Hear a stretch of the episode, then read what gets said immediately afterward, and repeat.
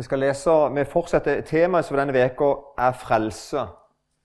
Eh, og med særlig vekt på noe med frelsesvisshet. Og det har vi for så vidt, derfor jeg har tenkt at det jeg har vært litt innom begge kveldene på én måte. Nå I kveld så skal vi si eh, spesielt noe om å være frelst ifra døden. Og jeg liker mm, veldig godt reaksjonen til Jeg har så liten skrift å holde på med nå, bare så dere vet det. Så det er litt vanskelig for meg. Da kommer Eilert òg. Eilert vil eh, Det er han som selger Han er sjefen min, egentlig. Det er han som selger gensere. Så vet du ikke det. Jeg har akkurat snakket om den. Det var ikke så fin eh, det var ikke så fin utstilling her, for det var ingen plass å ha stikkontakt og ha lys og sånn. Så, ja, jeg ser den. Ja, nå ja. Jeg måtte ha den kassett-T-skjorta. En prioritering. Nå begynner vi. Jeg syns det er en utrolig god reaksjon av de som snakker med Jesus her. Og jeg synes at vi ofte, når vi, Det er så trygt for oss å sitte 2000 år seinere i stua og lese en historie som på en måte vi kan litt slutten på. Men den reaksjonen som de kommer her, det er jo en aldeles Det er jo sånn vi skal reagere, er det ikke det? Altså her, her, sier altså Jesus at om noen holder fast på mitt ord, sier Jesus Et menneske på ca. 30 år som de visste hvor kom ifra, de visste hvem han var. Og så sier han det at hvis noen holder fast på hans ord, så skal de aldri i evighet se døden. Altså, og, og De forstår at uh, Jesus mener det. Han står her og påstår at hvis, de, hvis, de, hvis, disse som nå hører på meg, tror på mitt ord, skal de aldri se døden. Hva, tenk, hva sier det da? Vi hadde jo sagt 'du er galen'. Det hadde vi sagt i Eiken. Ikke sant? Altså, Feiler du noe? Mener du i ramme alvor at hvis vi tror på det du forkynner, så skal vi aldri se døden? Det er reaksjonen der òg. Er det en bra reaksjon? Jeg tenker Det er den eneste fornuftige reaksjonen hos et menneske. Det er at grunnen til at vi ikke reagerer sånn kan godt si For det første så tror vi på dette, her, det er én ting. Men for det andre så er det, som, det er så trygt å lese det i en bok lenge etterpå. det ikke med? Så vi kan nesten tenke 'Å, så dumme de var som ikke trodde på det'. Åh, så, så, lite åndelige de var, på en måte. Og det var de for så vidt òg. Det er en annen ting. Men det, er poenget mitt at det er vi òg. Så den, egentlig den naturlige reaksjonen til oss, hvis vi forstår hva Jesus påstår, det er egentlig det. Er du besatt? Altså, Feiler du noe? Hva er det du, hva er du tror for noe? Du mener vel ikke på ramme alvor dette? Og så sier de da videre, logisk da Nå skjønner vi at du er besatt. Abraham døde, og profetene likeså, men du sier den som holder fast på mitt ord, skal aldri i evighet smake døden. Så Det er to ting de reagerer på. Det første så reagerer de på at Jesus påstår har makt over døden. For det andre så reagerer de på De sier at folk driver jo og dør. Ikke sant? Så hva er det du mener med at de ikke skal smake døden? Folk driver jo og dør. Hele gjengen liksom dør jo til slutt. Så det er, er, noe, er noe, veldig rart med, med påstanden til Jesus, på, iallfall på, i på to måter. skulle jeg si, her. Og han, øh, Men du sier den som holder fast med mitt ord, skal aldri i evighet smake døden. Du er da vel ikke større enn vår, vår far Abraham, som døde? Var Jesus det? Eller er Jesus større enn Abraham? Han er det. Og Abraham han, han er stor, altså. Også profetene døde. Hvem gjør du deg selv til? Dette er, det, dette er kapittel 8 i Johannes. Det er et kapittel som innleder med at Jesus sa da til de som har kommet til tro på ham. Så Jesus er i utgangspunktet å snakke med en gjeng med folk som tror på ham. Og det, det begynner veldig godt på en måte. Så begynner Jesus å på en måte dytte litt på dem og sier at hvis du ikke blir værende i mitt ord, så er du ikke sannhet, mine disipler. Så begynner det å avsløres noe hos dem at de er ikke helt der som de påstår at de er. Eh, jeg Sist uke hørte jeg på en som heter Leif Andersen, en uh, dansk teolog, som fortalte at uh, for ikke lenge siden hadde han blitt, vært med på sånn hjelpeprest. eller Han hadde forstått å vært med på å delt ut nattverd til en gjeng konfirmanter i Danmark. Sånn helt alminnelige, vanlige konfirmanter en helt alminnelig, vanlig kunnskap om kristendom. Så han har vært med og delt ut uh, brød og vin. Han delte ut vin. Og så sto han der og delte ut brød og vin, som han hadde gjort i årevis. Fyren er over 60 år. Har gjort det ofte. Du er ikke sikkert vært med på nattverd noen ganger.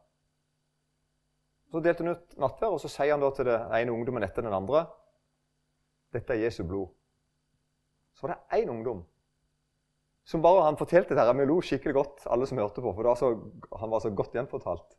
Han en ungdommen han bare superreagerte. Og så, sa han, så snudde han seg til kameraten og sa han, 'Hva sa han etter hver?' er du ikke med? Det, det var som, Han ene gikk opp for at nå er jeg med på noe veldig spesielt. Hva var det han sa at det var? Er du ikke med? Og Det tenker jeg er litt oss noen ganger. Altså, vi, så, vi, kan snakke på en måte åndelig med hverandre og sånn. Og, men er, er vi klar over hva vi snakker om? Er du klar over at du som hører Jesus til, du skal aldri i evighet smake av døden? Er du klar over det? Det er noe helt spesielt med deg. Du skal aldri i evighet smake av døden. Du skal ikke se døden sånn som du fortjente å se ham. Det er helt sant. Hva var det han sa?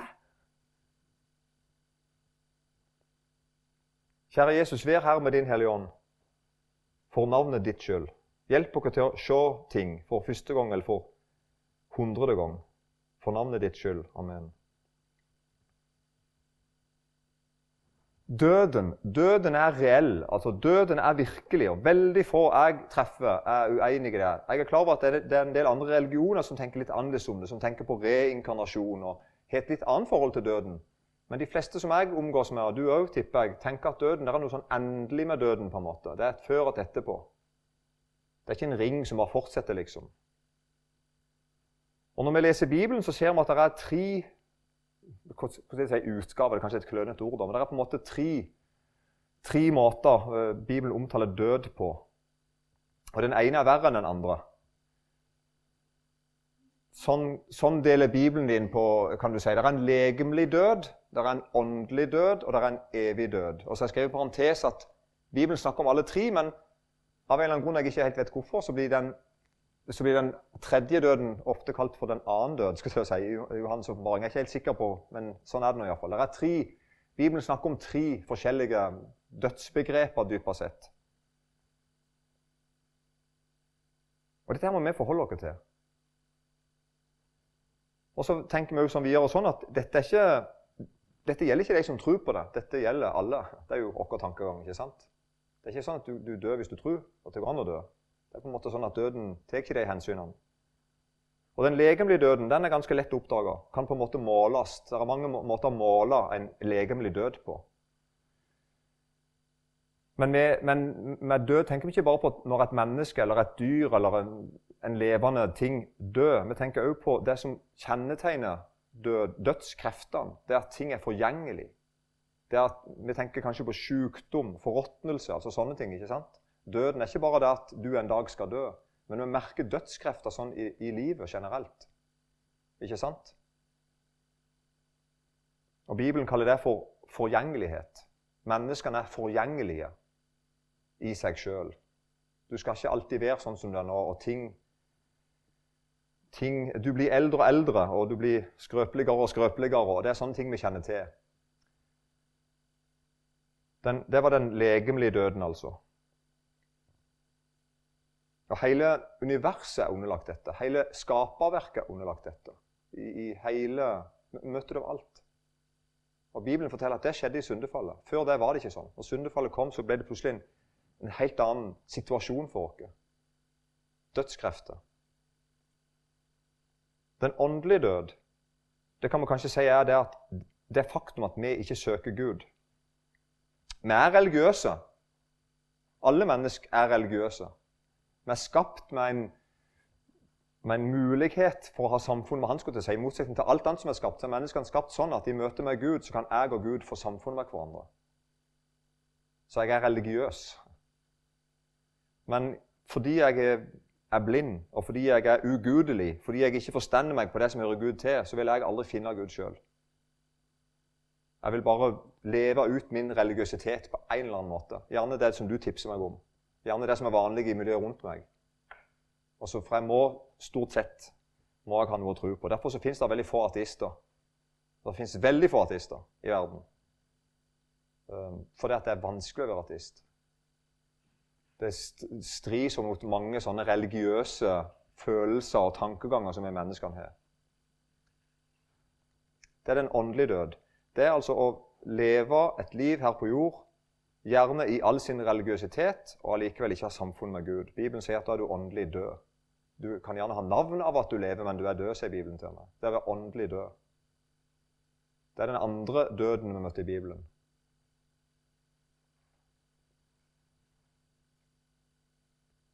Og så er det den evige død. Det er at en dag så er det et for seint. Og så går en inn i en evighet med død. Og jeg tror, iallfall i min forkynnelse, så, så, så er det vanlig altså, vi, snakker at, vi, vi, snakker ofte om at uh, de kristne har evig liv. Og, kan, og, det er godt vi gjør, for det har vi. Og så er det en, kanskje en tendens at vi glemmer å si noe om at de som ikke er kristne, og som dør, de slutter ikke å eksistere når de dør. De òg er evige. Det er bare at det ikke er et evig liv. Det er en annen ting. Men jeg tror det er viktig at ikke vi snakker sånn at det ser ut som at de som tror på Jesus, de får et evig liv, og så er de sammen med ham, så er det fint, og vi andre vi på en måte går glipp av det og forsvinner ut i ingenting. Og bare slutter å eksistere. Nei, det er ikke sånn, sier Bibelen. Det er sånn at alle mennesker har en evighet i vente.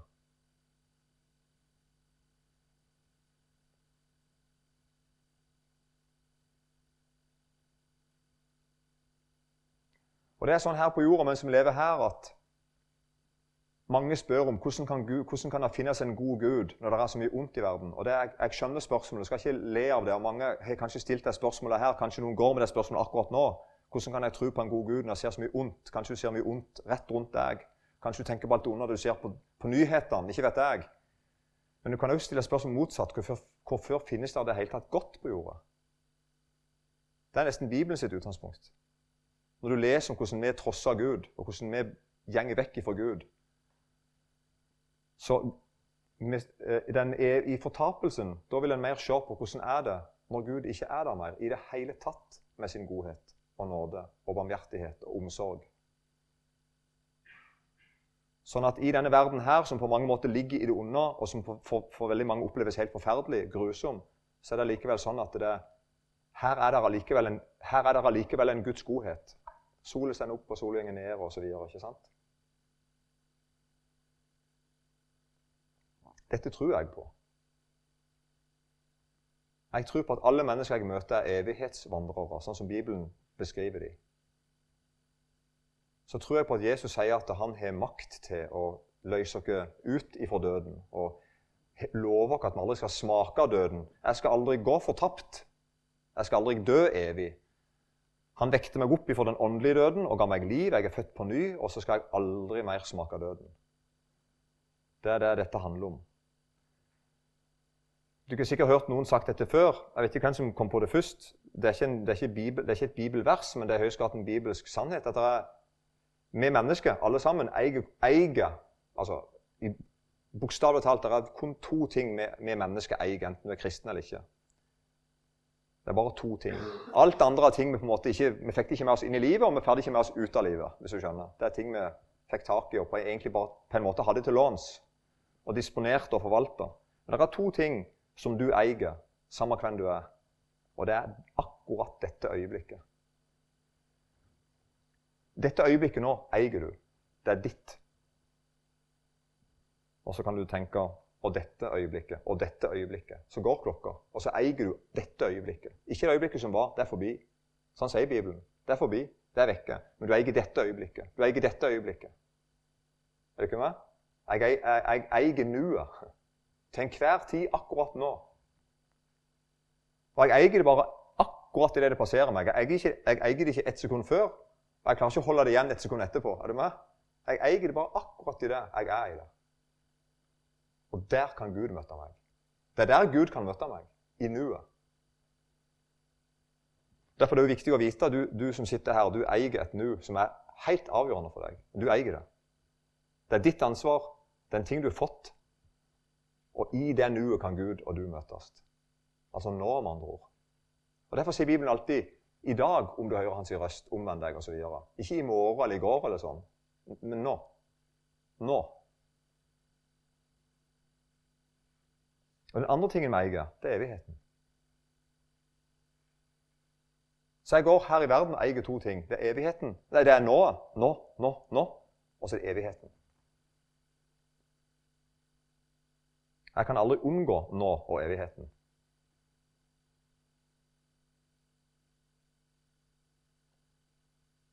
Bibelen ber oss om å lære å telle dagene rett, og det er litt det vi snakker om nå. Hva gjør jeg med mitt nå? Hva gjør jeg med evigheten? Hva gjør jeg med det, med, med, det, med det, faktum at det er de to tingene jeg eier? Og hva gjør det med det jeg møter rundt meg? At jeg vet noe om dem. Jeg vet de eier to ting. De eier nå, og de eier evigheten.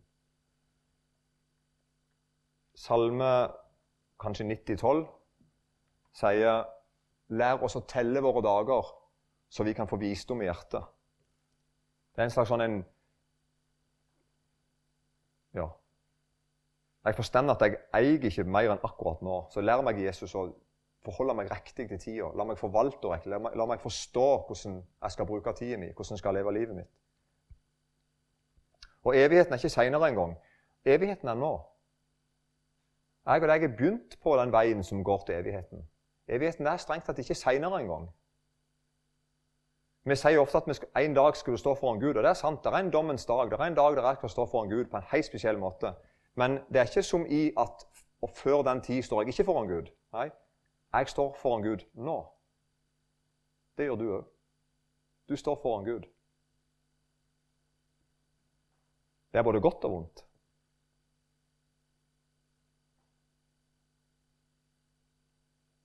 Det er liksom tanken vi har, det som Bibelen gir oss. Mange av de som blir kristne i dag, opplever å få det verre etter de blir kristne. Og nå Forrige uke var vi en god del, over 100, på noe som heter Forum for forkynnelse. Misjonssambandet hadde en samling på Holmavatn for folk som driver forkynner eller er med i en eller annen form for forkynneransvar. Barne- og ungdomsarbeid, pastorer osv. Og, og da fikk vi høre helt ferske fortellinger fra Afrika over folk som er blitt kristne. Det var særlig noen yngre damer vi hørte om. Vi så bilder av dem og fikk navnet på dem, var med og ba for dem. Akkurat nå driver de og sender meldinger til misjonærer og, og, og ber dem om å be for dem. Uh, og, og fortelle at uh, jeg, er blitt, er, jeg, er blitt, forsøkt drept. Det er en dødsstraff over meg nå fordi jeg har valgt å følge Jesus. Ungene deres fikk det vanskelig. sant? Det ble vanskelig i familielivet, økonomi, jobb, utdanning. Alt ble vanskelig for dem. Kun av én grunn. De begynte å følge Jesus. Så mange som blir kristne i dag, får det verre. Sett med vanlige menneskelige øyne, ikke sant? med sånn helt vanlig tankegang. Var det ikke egentlig bedre for deg før? Jo, det var det. Det er forfølgelse og rykter og utstøtelse skrevet, og mange mister sosiale nettverk, sin familie, og faktisk veldig mange dør.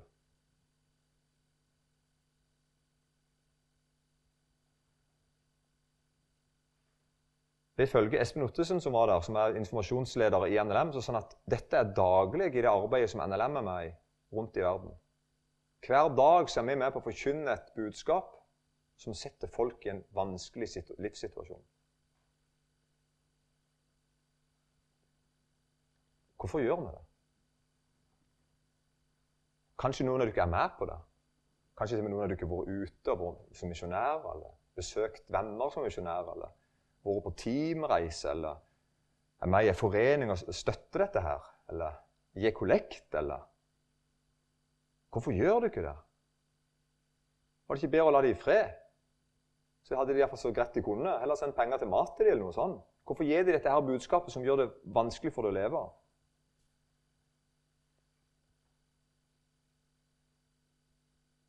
Peters brev sier sånn i 4.12.: Mine kjære, Undre dere ikke over den ilden som kommer over dere til prøvelse, som om det var noe merkelig som hendte dere.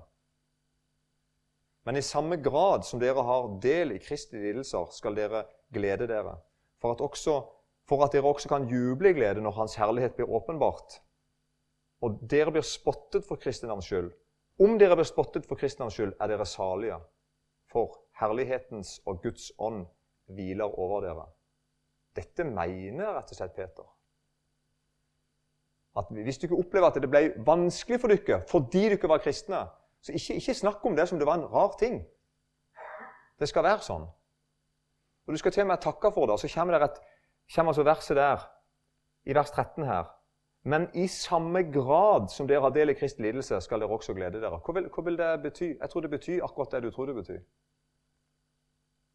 Jeg tror det betyr så enkelt som at hvis, hvis ikke du har opplevd noe som helst friksjon, motstand, problemer, vanskeligheter, prøvelser, skjønner du ikke, på et eller annet nivå der du bor Hvis ikke du kjenner til jeg, jeg vet ikke om Det ikke koster meg en kalori, på en måte.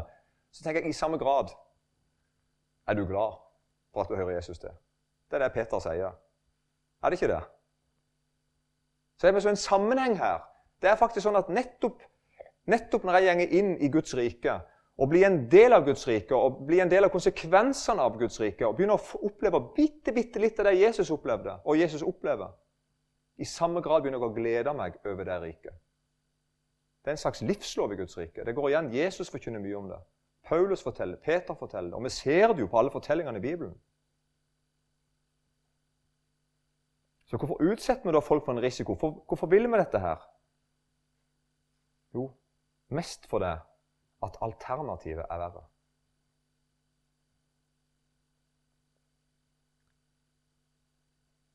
Et, noen vers fra Esekiel 33,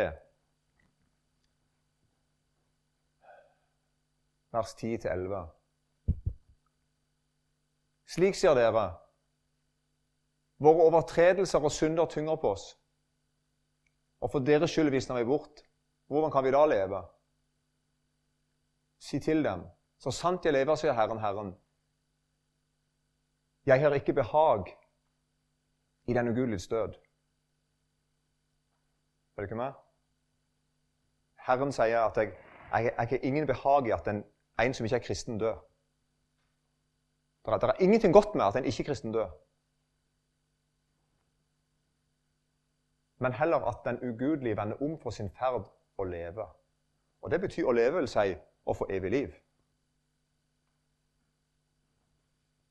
Vend om, vend om fra deres onde veier. Hvorfor vil dere dø, Israels hus? Der er vi som er her inne, tror jeg. Det er verdensbildet vi har. Det gjør at jeg tenker at hvis det er sånn, hvis dette er sant, så vil jeg være med på å fortelle til folk om Jesus. Også i Norge. Jeg kjenner faktisk veldig mange i Norge som har det utrolig vanskelig akkurat nå mens vi snakker, fordi de hører Jesus til. Mange faktisk kjenner jeg. Overraskende mange. Mange, mange får, ikke, lov til å besøke familien mer. Mange har mista jobben sin, mista omdømmet sitt, mista ryktet sitt. Fordi de velger å følge Jesus. Og vi vil si til dem Gud velsigne deg. Fortsett du med det. For det er bedre for deg enn det som er alternativet vårt, det som er realitetene våre. Og Her ser vi hvordan Jesus er. Han som sto og snakket med, med jødene for et par, par, tusen år siden. Her ser vi inn i noe som ennå ikke er skjedd. Men det, men det har skjedd. Si. Det kommer til å skje, akkurat sånn som Jesus sier. Johannes ser en stor hvit trone i Johannes 20, vers 11-15. Og så ser han òg han som sitter på den. Og For hans åsyn vek jorden og himmelen bort. Det ble ikke funnet sted for dem. Så du får ikke det. Det er ei trone som er så svær at det er ikke plass til noe annet. Og jeg så de døde, små og store, stå for Gud, og bøker ble åpnet, og en annen bok ble åpnet, som er livets bok. De døde ble dømt etter det som var skrevet i bøkene, etter sine gjerninger. Havet ga tilbake de døde som var i det, og døden og dødsriket ga fra seg de døde som var i dem. Og de ble dømt, hver etter sine gjerninger. Og døden og dødsriket ble kastet til ildsjøen. Det er den annen død, ildsjøen. Og hvis noen ikke ble funnet innskrevet i livets bok, ble han kastet til ildsjøen.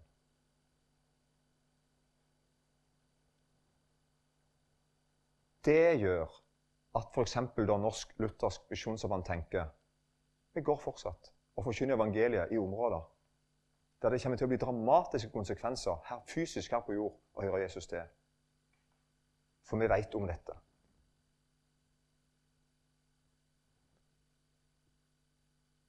Og så sier Peter om at det er glede her og nå òg, da. Så det er ikke sånn at alt blir fælt. Det er jo ikke det. Men sett med menneskelige, verdslige, menneskelige øyne, så vil vi si at var det ikke bedre før? Jo, jeg skjønner hva du mener, men jeg har funnet noe som er verdt noe. Som gjør at jeg tenker annerledes enn jeg ville ha tenkt før. Så døden er veket bort for Guds barn. Derfor så i, i, i Esekiel 33 så leser vi at Gud sier det at jeg, jeg ikke behager i at den ugudelige dør. Altså Gud sier jeg liker ikke, jeg ønsker ikke, jeg vil ikke, jeg ikke behager det når en ugudelig dør. Men derimot sier Bibelen om de, den som er gudelig, den fromme. Da sier Salme 116 sånn Dyrebar i Herrens øyne er hans frommes død. Det betyr når en kristen dør, så ser Gud det som noe dyrebart. For da skal du hjem. Jesus har makt over døden. Du skal aldri smake av døden. Så i det øyeblikket du dør, så dør du egentlig ikke. Og så opplever du at Herren ser deg, han våker over deg, han kjenner deg. Han ønsker deg velkommen, og du er dyrebar. Og det er noe dyrebart som skjer. Det er en utrolig ting, det er en majestetisk ting. At liksom det verste vi vet om, den siste store fiende vi har, liksom, det er ikke en fiende lenger, dypere sett. Vi kan lese litt i den Salme 116. Eh, Salme 116, vers 1. Jeg elsker Herren, for Han hører min røst, mine inderlige bønner. For han har vendt øret til meg, og alle mine dager vil jeg påkalle ham.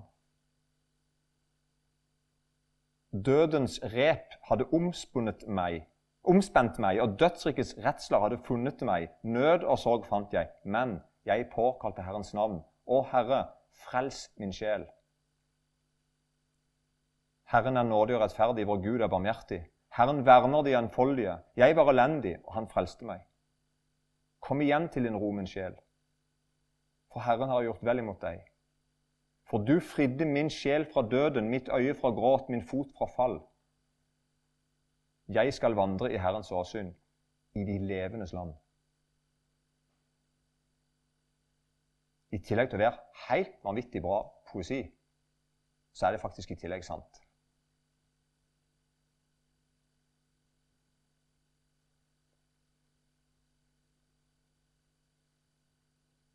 Paulus sier det sånn i 1. Korinterbrev 15, 54.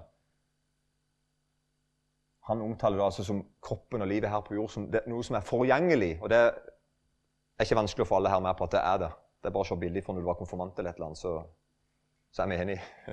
ikke sant? Som er med på det at ja, det, ting er forgjengelig. Så sier Paulus at når dette forgjengelige er blitt ikledd uforgjengelighet For det at du som gjør Jesus til, du skal bli ikledd en uforgjengelighet du har fått evig liv.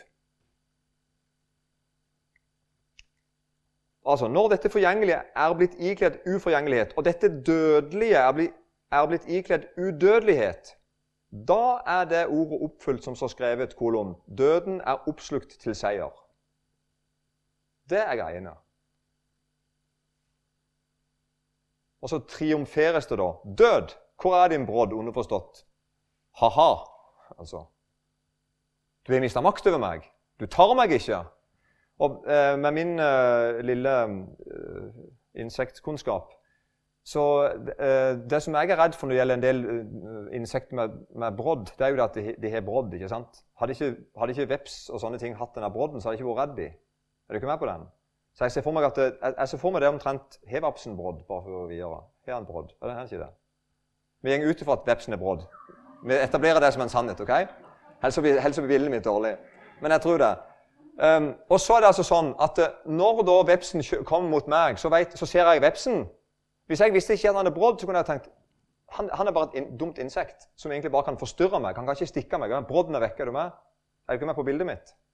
Sånn er det når døden kommer. Det er ikke sånn at døden ikke er der. Jeg ser han kommer jo. Men jeg veit noe om døden. Han har mista brodden sin. Er du ikke med? Så død, hvor er din brodd? Jeg sier ikke 'død, hvor er din død'? liksom. Jeg vet, jeg vet at, jeg vet at uh, du fins. Jeg vet at jeg er dødelig. Jeg vet at jeg mister mange av de jeg, er- jeg er glad i. Jeg vet at du er skremmende. Jeg vet at du er i veien for meg. Ja, ja, ja, du fins. Men du har mista brodden. Du kan ikke lenger drepe meg. Du kan ikke ta ifra meg mitt evige liv. Du kan ikke skille meg ifra Gud. Tvert imot, i det øyeblikket du kommer med dødsstøtet ditt og trodde at nå hadde du meg, da er jeg hjemme. Da har det skjedd noe dyrebart i Herrens øyne. Så død, hvor er din brodd? Død, hvor er din seier? Dødens brodd er synden, og syndens kraft er loven. Men Gud være takk, som gir oss seier ved vår Herre Jesus Kristus.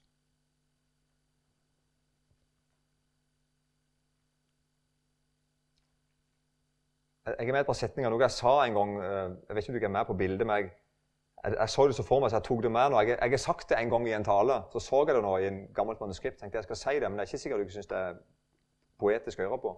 Men oftest så ser vi så for liksom at ja, ok, jeg skal akkurat på en måte smette innom. Jeg tror kanskje at jeg hører Jesus til, og jeg håper det går godt til slutt. Og så håper jeg den dagen jeg dør, at jeg på en måte akkurat ikke skal dø. og at, at Jesus på en måte akkurat slipper meg inn, og så er jeg glad for det. på en måte, ikke sant? Vi kan tenke litt sånn. Litt sånn.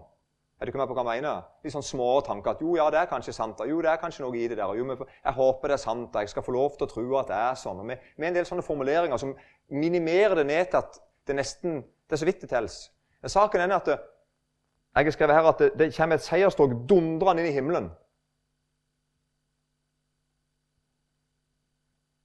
Og ser jeg nærmere etter, så ser jeg at du og jeg er der. Det er sånne som meg og deg. Sånne vanlige folk som ikke er som de skal. Så dere får dere det. Det er ikke noe sånn at du akkurat så vidt skal få lov til å komme inn i himmelen. Og så skal du få lov til å få ei brus og kanskje ei pølse. Uh, og så vi som slipper på innsida, liksom, ikke sant? og så være med sånn litt på festen helt der ute. eller noe sånt. Det er ikke, det er ikke sånn det er.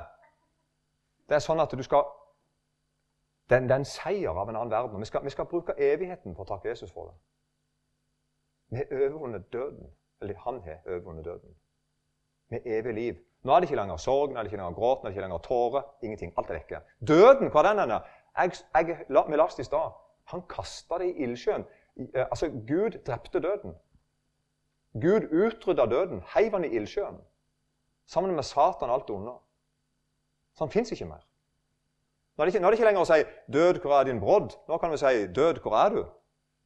Du er ikke her. Sånn skal det bli. Meg og deg. Det er helt vanvittig. Det er sånn majestetisk jobb. Jobb 1925. Men, men jeg, jeg vet at min gjenløser lever, og som den siste skal han stå fram på støvet. Det er sånn seier. Hvem står igjen til slutt? Det er han som vant.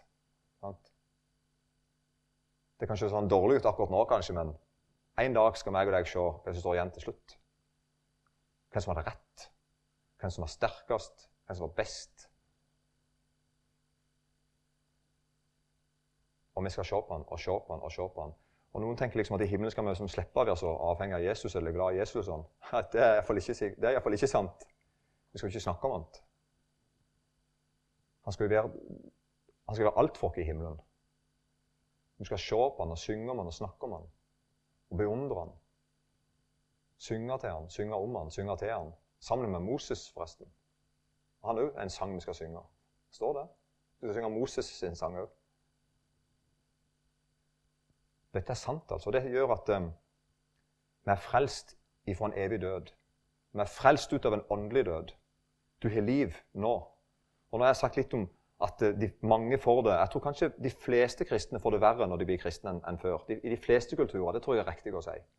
Det er unormalt mye det er sånn, ifølge Bibelen. Men samtidig så vil òg de fleste kristne, forhåpentligvis alle, si at de er veldig glad for det. De, de takker for det. De, de hadde gjort det igjen. De anbefaler ungene sine det samme. Er du med? For det er verdt det. Kjære Jesus, velsigna det jeg har sagt, for navnet ditt skyld. Takk at du vant over døden. Takk at vi har evig liv. Amen.